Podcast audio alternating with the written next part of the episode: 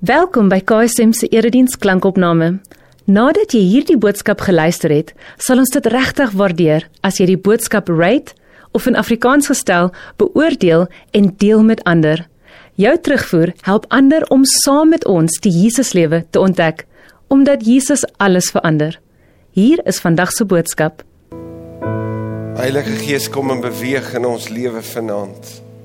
Soos net U kan wanneer ons hierdie lied ekho en dit oor en oor wil sing, dan is dit uit 'n begeerte in ons lewe om te sê Here, maar kom raak ons aan op die plek vanaand wat ons so so nodig het. Ons is juis hier in afhanklikheid van U en ons wil dit van U vra Here omdat ons dit nie op ons eie gaan regkry nie. Dis iets waarmee ons so so sukkel. Dis iets waar agter ons wegkruip. Iets wat ons by tye as verskoning gebruik. Is iets waarmee ons stoei. Is iets wat ons inperk, ons frustreer by tye. Is iets wat ons al met soveel keer in ons lewe probeer beveg het en dan weer daaroor gestruikel het om net weer by 'n plek te kom. Om te sê Here asseblief kom doen wat net U kan. Ons kom erken vanaand ons afhanklikheid van U. As niks wat ons gaan kan doen vanaand wat kan beweeg in ons harte en deur ons lewens soos wat net U kan nie. So ek pleit dit so asseblief. O Here God, kom en praat met U deur U woord met ons. Dat ons opnuut net die aktualiteit, die die tydloosheid van U woord kan besef, maar aan die ander kant kan weet dat U woord is U woord en daarom het dit autoriteit oor ons lewe. Daarom kom U aan die woord daardeur en as U praat, dan moet die kinders luister. Want U is die vader van hierdie familie en die kinders is bymekaar en ons wil so graag hoor wat u vanaand vir ons wil sê vir ons lewens vir die pad vorentoe. Ek bid dit in Jesus se naam. Amen. Kan ek dit eers net jammer sê oor my stem? Dit ehm um, stalk 'n baie baie goeie aanduiding dat as jy moet van, praat oor vanaand se tema dat jy met so 'n stem sulke issues sal wees. Um, maar ek is so oortuig dat ons vanaand hieroor moet gesels Ehm um, ek ek ek wou vir Fani laat dubbel werk vandag maar toe dog ek ek sal hom liewer afgee. Dat ek uh, dit wat op my hart is so so so eerlik en rou eerlik as moontlik probeer deel. Hierdie hierdie emosie reeks of die die reeks rondom rus vir jou gemoed wat ons mee besig is. Ja, ek weet nie van jou nie, maar dit net vir my opnuut net kom aanraak met joh, ons beleef 'n klomp goed, nê. Nee, ons beleef woede. Ek bedoel ons beleef teleurstelling en soms altyd van daai in dieselfde rugby wedstryd. Ehm um, weet ons beleef angs en onsekerheid en ons almal deel hiermee. Ons almal ervaar dit. En die Bybel help ons so om verantwoordelik daarmee om te gaan. Maar die een waaroor ons vanaand praat, is jy mee geïssu van kleins af. Ek het nou-nou gesê jy het ingekry met moedersmelk. En watter een is dit wel? Kom ek gebruik dit as 'n voorbeeld. Iemand het gesê die verskil tussen 'n Suid-Afrikaner en 'n Amerikaner is as volg. In America it's I'm okay, so you're okay. Anders in Amerika is amper eerder I'm okay, so you're awesome. In Suid-Afrika is dit I'm not okay, so you better not be okay. Okay. Minderwaardigheid. Julle is iets wat so deel is van van die van die diepe fiber soos die Engelsers sou sê van ons gemeenskap, van ons wese. Daai belewenis van ek is nie goed genoeg nie. Wil nie julle moet julle hande opsteek nie want dan gee dalk die ouderdom weg, maar hier's 'n generasie hier tussen ons wat groot geword het met hierdie woorde. Kinders word gesien en nie gehoor nie. Wat anders gesê word van kinders het nie 'n stem nie. Kinders het niks te sê nie. Hulle is nog klein, hulle weet niks, so bly stil. En so terloops, ek gaan jou net 'n kyk gee en dan gaan jy moet weet jy beter nou doodstil bly boetie as jy jou lewe liefhet. En vanuit daai wêreld stap jy in 'n wêreld in wat vir jou sê, ek wil hoor wat jy sê, ek wil hoor wat jy dink. Beleef dit asseblief.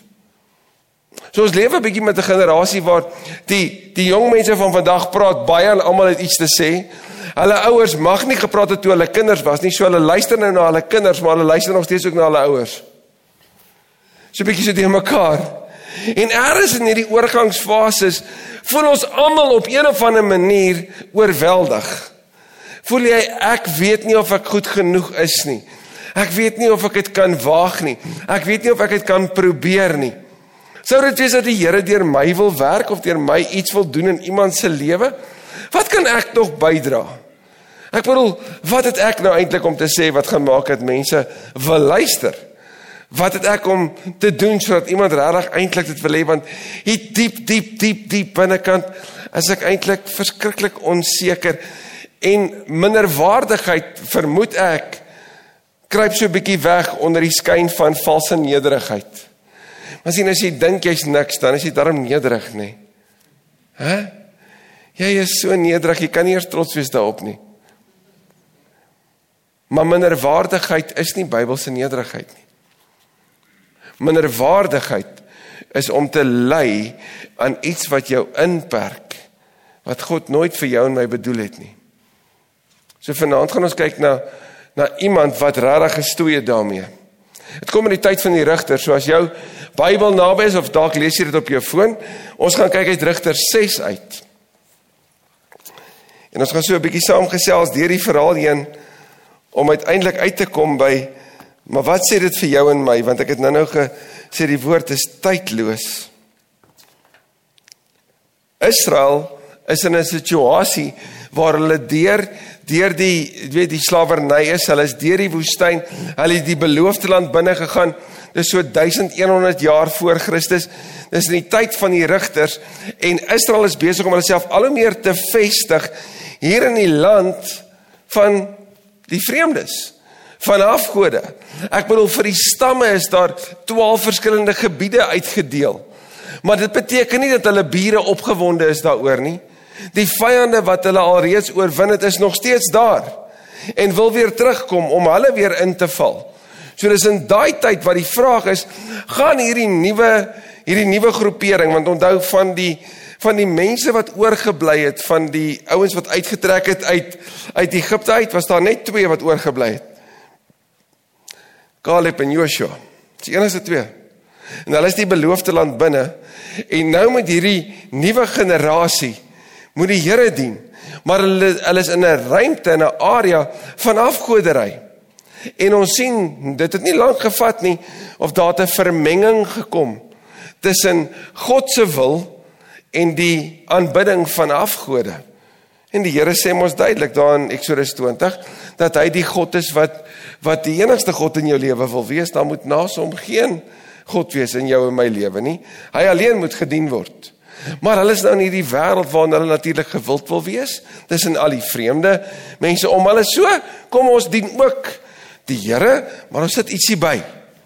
Ons dien Baal wat die God was van van die Midianiete, die afgod. En kom ons lees in Rigter 6. Die Israeliete het gedoen wat verkeerd is in die oë van die Here. En hy het hulle 7 jaar lank oorgegee in die mag van die Midianiete. Hulle die Israeliete hard behandel en daarom het hulle langs die bergstroompies en grotte en ander ontoeganklike plekke gaan bly. Nou die die area waarvan ons hier praat is die area oos en wes van die Jordaan wat verskriklike goeie vrugbare grond was. Maar die Midianiete, ekskuus tog wat hulle ingeval het, het hulle nou verdryf. Nou gaan bly hulle daar teen die berge. Daar's nie plek om om vir jou wingerde te plant nie. Daar's nie plek om koring regtig vreeslik landerye te hê nie. So hulle kruip letterlik weg. Dit gaan met hulle bitter swaar. Kom ons kyk hoe swaar. Wanneer die Israeliete iets gesaai het, het die Midianiete teen hulle opgetrek saam met die Amalekiete en ander mense uit die ooste. Dan slaat die Midianiete kamp op en vernietig die opbrengs van die land, selfs tot by Gaza se wêreld. Hulle het nie 'n dier in Israel lewend agtergelaat nie, nie 'n skaap of bees of donkie nie. Hulle het letterlik soos 'n swerm sprinkane ingekom en alles verwoes. Dis nie goeie nuus nie, né? Nee slegte situasie om in te wees. Die Midianiete het met hulle veetroppe gekom en kom tent opslaan. Hulle was so baie so sprinkane. Hulle en hulle kamele kon nie getel word nie. Hulle het die land kaal gestroop.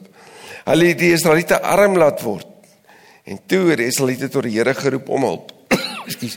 Is so jammer dat dit vir ons vat om tot onder te kom voordat ons eers by 'n plek kom waar ons die Here help. So jammer dat ons nie leef vanuit elke dag se gewoonte om die dag te begin deur te sê: "Sjoe Here, hier's 'n dag vol geleenthede, vol uitdagings. Help. Nee. Hulle het op hulle eie aangekarring. Ekskuus. En toe by 'n plek gekom waar hulle sê dit gaan nou sleg genoeg om te bid. Daar's 'n ou Afrikaanse spreekwoord wat sê nood leer bid. En hulle het Sjoe, kom my stem gaan nou, ekskuus julle. Goed. Vers 7. Toe hulle tot die Here roep om hulp teen die Midianiete, het hy 'n man gestuur. ekskuus, so dis 'n profeet om onder die Israeliete as profeet op te tree. En hy het hulle gesê, so sê die Here die God van Israel, ek het julle uit Egipte laat wegtrek, hier vertel hy vir hulle die storie. En ek het julle in die plek van slawerny bevry. Ek het julle gered uit die mag van Egipte en van almal deur wie julle verdruk word. Ek het hulle laat plek maak vir julle en ek het hulle die land gegee. Ek het vir julle gesê, ek is die Here julle God. Julle mag nie die gode dien vir die Amorite in wie se land julle woon nie. Maar julle het nie na my geluister nie. En nou sê hy koning goed soos verby. God het gesê, julle wou nie hoor nie, so kry vir julle. Dis mos gepas wees. Nie waar nie? Maar ons dien die Here van die gans ander. Die Here wat sy stories skryf, die Here wat nie klaar is nie. O, ek wens ek kan jou deur elke boek vat in die in die Bybel en ek wil vir jou sê, selfs vandag is daar vir jou, vir my, vir hierdie wêreld hoop. Maar God se storie is nog nie klaar nie. Jesus het nog nie gekom nie. En omdat hy sy storie skryf, is daar hoop vir jou en my. Ekskuus tog. Daarna het 'n engel van die Here in die in die Hebreëus dui 'n engel van die Here op die teenwoordigheid van die Here self. Daarna het 'n engel van die Here gaan sit onder die boom in Ofra wat behoort aan die aan Joas die Abieseriet. Sy seun Gideon was besig om koring te slaan in 'n parskyp waar hy weggekruip het vir die Midianiete. Nou die interessante is dit so en dan hoor ons hy het koring geslaan in 'n parskyp waar hy wegkruip. Maak nie sin nie. Wel, 'n parskyp was nie waar jy koring uitgeslaan het nie. Jy het koring uitgeslaan op die dorsvloer. En 'n dorsvloer het hulle hoog op teen die heuwels geplaas. Die hoogste dorsvloer, so word daar gereken. Ek lees dit in een van die kommentare van die boek Rut. Is die plek waar Abraham vir Isak sou offer is die hoogste dorsvloer bo see vlak in die antieke wêreld. Hoekom is dit altyd hoog op gewees? Want op 'n dorsvloer het jy kaf en koring uitgeslaan sodat die wind gekom het en dan het die kaf weggewaai en die koring het oorgebly. Parskyp was waar hulle druiwe uitgepars het om wyn te maak. Dit het aan die onderkant van die berg gebeur waar daar nie wind was nie. So julle, stel jouself nou voor, Gideon is bang. Want hierdie mense wat hier om hom is, die Midian, die Midianiete kom in, hulle verwoes alles. Hulle maak ook mense dood. Hulle vat alles. So hy's verskriklik bang. Twee, hy moet nou die werk doen om hierdie koring uit te slaan. Maar hy's nie bevoorreg om by 'n plek te wees waar daar 'n lekker sagte windjie is wat kan deurwaai nie. So terwyl hy die koring uitslaan, raai waar gaan sit die kaf? Oral in hom. Want daar's niks om dit weg te waai nie. So kan jy jouself indink hoe geïrriteerd is hierdie ou. He's having a bad day. A very very very bad day. En hy kry hom self natuurlik verskriklik jammer. Want wat het ek nou gedoen om hierdie te moet kry? Om hierdie te moet doen, nê? Nee? Arme ek. Ons is in groot moeilikheid en hy kyk waarskynlik om om die hele liewe tyd om te kyk waar is die vyand? Wanneer gaan hulle ons kom inhaal? Inval. Die engel van die Here het aan hom verskyn en vir hom gesê: "Die Here is by jou, dapper man." Niks van Gideon se lewe sê op hierdie oomblik dat hy dapper is nie. Sy naam is Gideon, die engel spreek hom aan as Gibor. Gibor is die naam wat vir Boas um, gebruik word om Boas te beskryf in die boek Rut. Hierdie man, the man of valor. Hierdie man van impak, hierdie man wat gesiene is. Gideon is glad nie gesiene nie. Hy's bang wegkruip Gideon wat op daai stadium net homself jammer kry nie, maar wat regtig dink hy's tot niks anders in staat nie. Maar Gideon het vir die engel gesê: "Ekskuus meneer, ekskuus, kan ek jou net 'n bietjie help? Maar as die Here by ons is, waarom kom al hierdie dinge oor ons?" En ek en jy gaan nou-nou sien dat Gideon en sy gesin was waarskynlik die enigste gesin wat nog gelowig vasgehou het aan die Here terwyl almal om hulle Baal aanbid het. So, jy sê kon sê ons doen die regte goed. Ons dien U. Ons is eintlik vreemd tussen ons eie mense. Moeilikheid kom van alle kante af. Ek kruip weg vir my lewe. En nou kom sê u die Here is by my. Dis natuurlik die Immanuel boodskap van Kersfees, nê. Nee. Waar is al sy magtige dade waarvan ons voorvaders ons vertel het toe hulle gesê die Here het ons uit Egipte bevry? En ek wil dit klink baie soos die woorde van Jeremia later, eeue later, wanneer Jeremia sou sê, ek kan nie op u reken nie. sien wanneer die Here met jou en my praat en ons stuur, dan stuur hy ons nie ekskuus in ruimtes van gemak nie. Daar gaan tye van onsekerheid. Tye van wanneer jy hom moet vertrou en niks om jou lyk of dit gaan uitwerk nie. Maar hy's die Here van sy woord. Hy's die Here van sy storie. En Gideon moes dit ook ontdek, net soos Jeremia dit ook moes doen. Vers 14. Toe die Here na Gideon toe gedraai en vir hom gesê: "Gaan met die krag wat jy het en gaan red die Israeliete uit die mag van die Midianiete." Nou Here, dink nou mooi as Gideon hier sou hoor, hoe sou hy hieroor voel? "Gaan met die krag wat jy het." Kan ons gou net weer kyk na my situasie? Ek kruip weg. Ek sien onder. Ek pas nie in nie. Krag, ek het niks. Miskien moet jy ook hoor soos Paulus hoor in 2 Korintiërs 12, wanneer jy swak is, is jy sterk. Maar hoor wat sê die Here?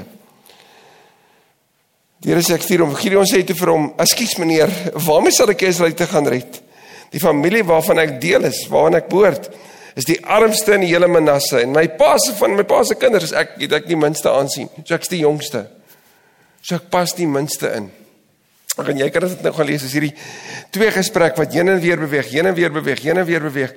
En uiteindelik dan is dit die Here wat vir hom sê: "Gideon, vertrou my, ek is met jou." Gideon leer dan om die eerste tree van gehoorsaamheid te gee.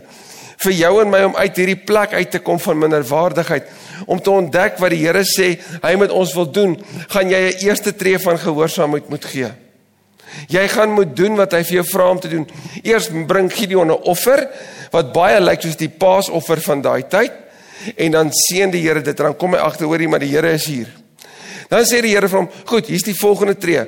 Jy moet nou die altaar wat daar is waarin Baal aanbid word, jy moet dit nou verwoes." En so terloops, daar's 'n gewyde paal daar. Jy moet nou die hout van daai gewyde paal waarin Baal geoffer is, jy moet dit sommer nou gebruik om vuur te maak en jy gaan 'n offer vir my bring. Bou 'n altaar vir my. Nou volgende oggend wanneer die ander wakker word, dan sê hulle: "Hoorie, maar waar's die Baal altaar?" Nee jongens, Gideon, hy het dit laas nag gebou en verwoes. Wel, ons gaan hom om die lewe moet bring. Dan klim Gideon se pa en sê: "Nee, nee, nee, wag, wag, wag, wag. Julle gaan hierdie nou nie doen nie." Sien want as Baal regtig God is, dan sal Baal mos nou vir Gideon uitsorteer. So los hom dat Baal met hom 'n pad stap, dat Baal met hom handel. Baal bestaan mos nou nie. Gideon se pa het geweet. Verstaan? So kry Gideon toe 'n nuwe naam hierdie Baal. En Gideon sien hoe die Here hom seën.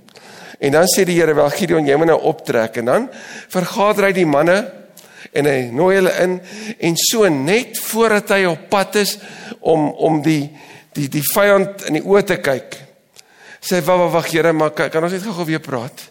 Ek wil net ek wil net seker seker maak u is aan my kant. Tim Keller sê he needed to be strengthened in his faith. Sien Gideon op sy pad van God vertrou, kom elke keer by daai plek van, maar is hy regtig by my? Is is is dit regtig so? En dan het hy mos die wolf die wolfvliesie situasie wat ek en jy van ken daar in Rigters 6. Gideon stap die pad waarin hy moet ontdek dat hy sy minderwaardigheid wat hy as verskoning gebruik het, moet agterlaat. Ek en jy kan ook ons minderwaardigheid gebruik om jou weg te kruip. Ek en jy kan soos Gideon maak en sê, "Maar ek is nie goed genoeg nie. Ek pas nie in nie. Ek is nie so intelligent nie of ek het nie die papierwerk nie of ek is nie so welsprekend nie. Ek is nie so dinamies nie." Ek weet nie wat jou verskonings is nie.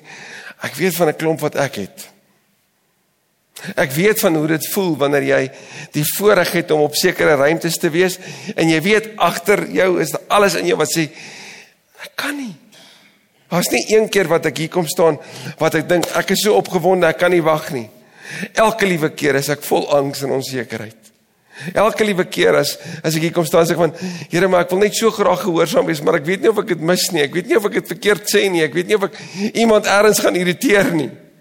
Maar sien minderwaardigheid is hierdie plek waar agter ons wegkruip en dit hou ons in 'n gemaksone. Maar wat God met jou en my wil gaan is om ons minderwaardigheid af te sterf en oor die drempel te stap en hom te vertrou. Sodat jy kan ontdek dat hierdie gibor, hierdie dapper man, hierdie dapper vrou is nie jy wat dapper is nie. Maar die Here wat sê vertrou my, ek stap saam met jou. Ons leef in 'n wêreld wat vir jou en my sê die toekoms is pikswart. Hulle het net een kwas, dis al waarmee hulle verf. En God sê vertrou my. Moenie hierdie minderwaardigheid aan vaskleef nie. Laat dit gaan. Stap saam met my want ek is met jou op pad. Want dit gaan oor my storie. Maar sien dit gaan oor Israel se toewyding aan die Here in die land van die belofte. Dis die beloofde land en die Messias wat beloof is, is later gebore. God skryf sy storie. God skryf sy storie vandag deur jou en my lewe ook. Wat hou jou terug? Wat gebruik jy as 'n verskoning? En as ek vandag vir jou sou vra, wie van die karakters in die Bybel wat jy ken, sou jy sê moes nie daar gewees het nie? Het nie verdien nie. Was nie goed genoeg nie. Het jy 'n paar? Kan jy dink aan een? Wie van julle sou kon dink aan 5? Anyone? Anyone? Krik krik.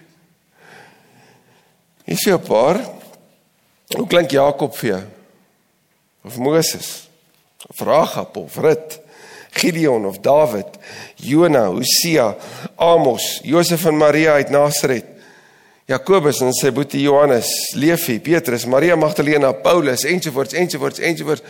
Almal van hulle sou jy kon sê is hulle wat nie moes wees nie. En tog het God gesê, deur jou lewe skryf ek 'n storie. So al is jy waar Gideon is op hierdie oomblik, weggestroop van jou veiligheid, gestroop van jou gemak, gestroop van 'n plek waar jy sê, maar maar ek kan nie eers in die gemak van van die openbaar die gars uitslaan nie, die koring uitslaan en die kaf van die koring skei nie. Ek moet dit hier kom doen in die parskyp hier onder waar dit verskriklik ongemaklik is. En elke oggend wanneer ek opstaan, is my lewe ongemaklik. En as ek dit vergelyk met hoe ander dit gehad het, dan kry ek myself ontsettend jammer. Die Here sê ek is by jou. Die Here sê wees dapper. Die Here sê vertrou my. Die Here sê wil jy nie 'n tree net in geloof agter my aangee nie. En jou minderwaardigheid laat staan nie. Want minderwaardigheid is soos 'n groot meelsteen wat jou terughou. Ek wil jou vrymaak. Maar daar's 'n ander kant van minderwaardigheid wat jy ook in Gideon se lewe gaan raak sien. In hoofstuk 8 wanneer Gideon die voorreg het om as oorwinnaar geken te word as die een wat hulle uitgelei het en in hierdie oorwinningstogte hierdie groot groep van 300 nê nee, die die 300 getal wat vir jou my bekend is in die oorlogtaal. Maar dan terugkom as jy hulle Gideon, mighty man of valor. Dan sê nee nee nee, ons gaan die Here die eer gee, maar julle kan vir my elkeen 'n bietjie van julle juwele gee. En dan maak ons 'n efod beeld wat 'n afgodsbeeld is. Net so ter erkenning van wat ons nou hier gedoen het. So waar Gideon hulle uitgelei het uit die plek van afgoderry uit, het sy hoogmoed hulle wham bam terug binne in. En hoogmoed is waarskynlik een van die grootste afgode in ons lewe. Dit vat ons weg van die Here af. So net soos wat minderwaardigheid vir jou kan knielter en jou nie in beweging kan bring nie, jou 'n heerlike verskoning kan gee, wil die Here jou vanaand daarvan bevry. Maar in die proses pas op. Maar hoe bou ek dan 'n gesonde selfbeeld? Hoe bou ek 'n 'n selfbeeld wat nie minderwaardig is nie, maar ook nie hoogmoedig is nie? Kom ek gee vir jou vier gedagtes rondom dit. Eerste Efesiërs 2:20 sê jy is God se skepingswerk.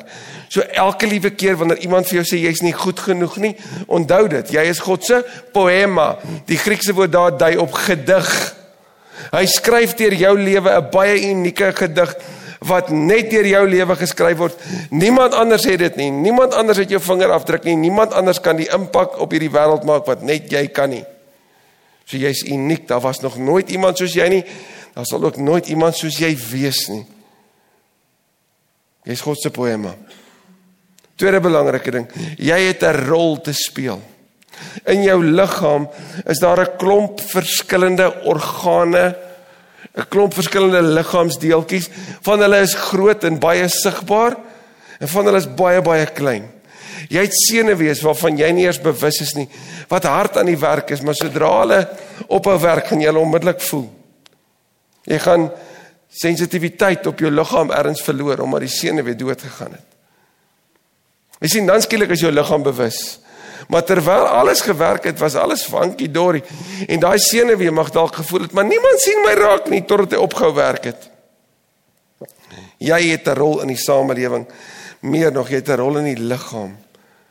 En hier by Kerk sonder mure byvoorbeeld is daar 'n klomp bedienings waarby jy betrokke sou kon raak en jy jou minderwaardigheid kan agterlaat en sê ek sal, Here.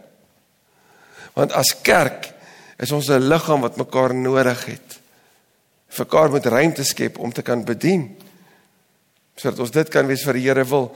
Maar vir dit moet ons sê ek het 'n rol te speel. Psalm 103 gee vir my die laaste twee. En dit is aan die een kant Psalm 103 sê soos 'n vader om ontferm oor sy kinders so ontferm die Here om oor ons. So ek en jy het nodig om te weet om van my minderwaardigheid ontslae te raak. Moet ek weet dat God sê ek is sy kind. Nou julle as een van die die die konings, ek weet nie hoeveel is daar nog wat vandag nog op aarde leef nie. Sy kinders hier inkom, dan kom hulle in met 'n bepaalde statuur. Want hulle is die kinders van die konings en die koninginne. Ons ken nie daai in ons wêreld vandag nie. Maar mense wat die kinders is van belangrike verstaan uh, ouers in die samelewing het 'n bepaalde statuur. Wel ek en jy kan hierdie wêreld instap nie as arme ek kry my jammer nie, maar ek is 'n kind van die lewende God. Dis so ek myself in die spieël kan kyk en myself kan herinner ek is syne. Johannes 1:12 sê as ek hom aangeneem het en hom glo dan kry ek die reg om sy kind te wees. Ek's nie 'n aanneem kind nie, ek's nie 'n weeskind nie. Ek is sy geliefde. So moenie dat enige iemand anders jou identiteit of jou waarde vir jou bepaal nie. Laat dit dit wees. Maar dan die ander kant van Psalm 103 wat ons nooit moet vergeet nie. So aan een kant wees ek vir God, die ander kant is wie ek voor God. Want Psalm 103 sê hy weet waarvan ons gemaak is. Hy hou dit in gedagte dat ons maar net stof is. Ek is maar net stof. So voor hom is ek niks. So ek mag nooit sê I'm the man. Dis beter om te sê I'm the stoffie. Dan kruip ek nie weg agter my minderwaardigheid nie. Maar dan is ek baie baie eerlik dat die roem nooit na my toe kan kom nie. Maar na die Here toe. So vandag is my vraag nie dit. Wat is jou verskoning? Waar agter kruip jy weg? Wat hou jou terug? dat jy nie doen wat jy moet doen nie. Jy het 'n baie unieke rol te speel. En terwyl ek hierdie sê, is daar van julle wat sê, Here, ek hoor, maar maar maar maar maar klink soos Gideon, nee. Klink soos Moses. Klink soos Joshua. Klink soos Petrus. Klink soos Elisabeth. Klink soos Maria daar uit Nasaret se wêreld. Maar niks. Maar God. Die Here sê wees sterk. So kom ons doen 'n oefening. Ek wil hê jy moet jou oë toemaak asseblief. En ek wil hê jy moet luister na daai kritiese stem. Daai een wat elke dag vir jou sê jy's nie goed genoeg nie. Ek wil hê jy moet hom nou mooi hoor. Is nie goed genoeg nie. Is nie perfek genoeg nie. Jy sal dit tog nie maak nie. Jy ken hom nie of ken. Dan raai stem nou mooi praat. Goed, nou skuif daai stem na onder jou kielibakkie onder jou arm toe laat hy daar uit praat. Jy's nie goed genoeg nie. Jy's nie mooi genoeg nie. Slim genoeg nie. Wagmoedig genoeg nie. Goed, nou raai sal 'n kritiese stem nou met jou in die stem van Donald Duck praat.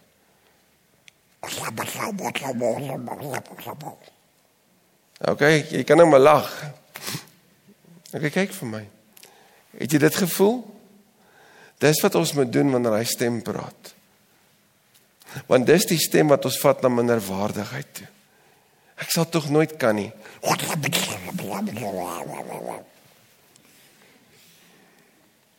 Wees sterk, dapper man. Die Here is by jou. Wees sterk, dapper vrou. Die Here is by jou. Die Here skryf sy storie. Skaamte, jou verlede, swak besluite, jou huidige situasie, niks kan jou weghou van die werk van die Here nie. Die werk wat hy deur jou doen. Indien jy bereid is om te sê, hier is ek, Here. Stuur my. Amen. Kom ons bid saam.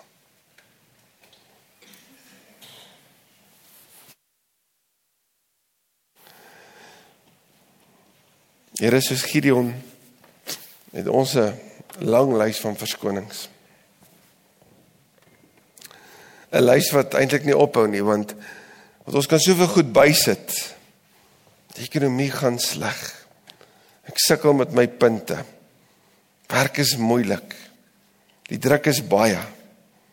Die die toekoms is onseker. Die vyand is naby.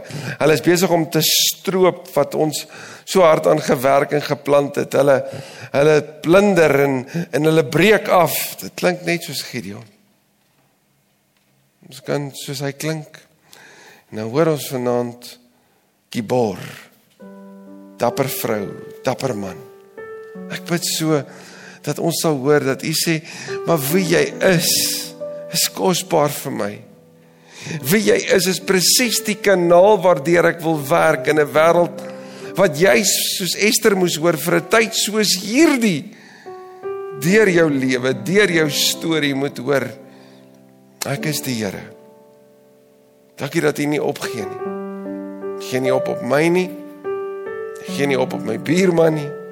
Op die persoon wat voor my sit of agter my sit nie. Ek gee nie op op ons nie. Mag ons, Here, vanaand daarom die waag moet hê om oor te gee. Omdat U nie opgee nie. Oor te gee aan U leiding. Oor te gee aan die krag wat soos Paulus dit in 2 Korintiërs 12 beskryf, juis tot volle werking in en deur ons kom wanneer ons swak is. Daarom wil ons nie oor ons krag en ons mag en ons vermoëns roem nie, maar oor ons swakhede, maar dan nie as 'n verskoning nie, maar as 'n erkenning. Niks van hierdie sou gebeur het as die Here nie gedoen het wat hy kan nie en wat hy het nie. Asseblief kom doen dit in ons lewe. Kom ruk my uit hierdie gemaksone van van minderwaardigheid uit. Want dit is my bekend geword, Here. Ek kruip daar agter weg. Kom ruk my uit uit en maak my vry sodat ek kan hoor wat U sê. Ek stap met jou op pad. En ek is reeds daar en ek roep jou daarheen. Amen. Indien hierdie boodskap vir jou betekenisvol was, oorweeg dit om in te teken vir ons nuusbrief, waarin ons weekliks hulpbronne en opkomende gebeure by KSM deel, sodat ons saam die Jesuslewe kan ontdek. Besoek ksm.co.za en word deel.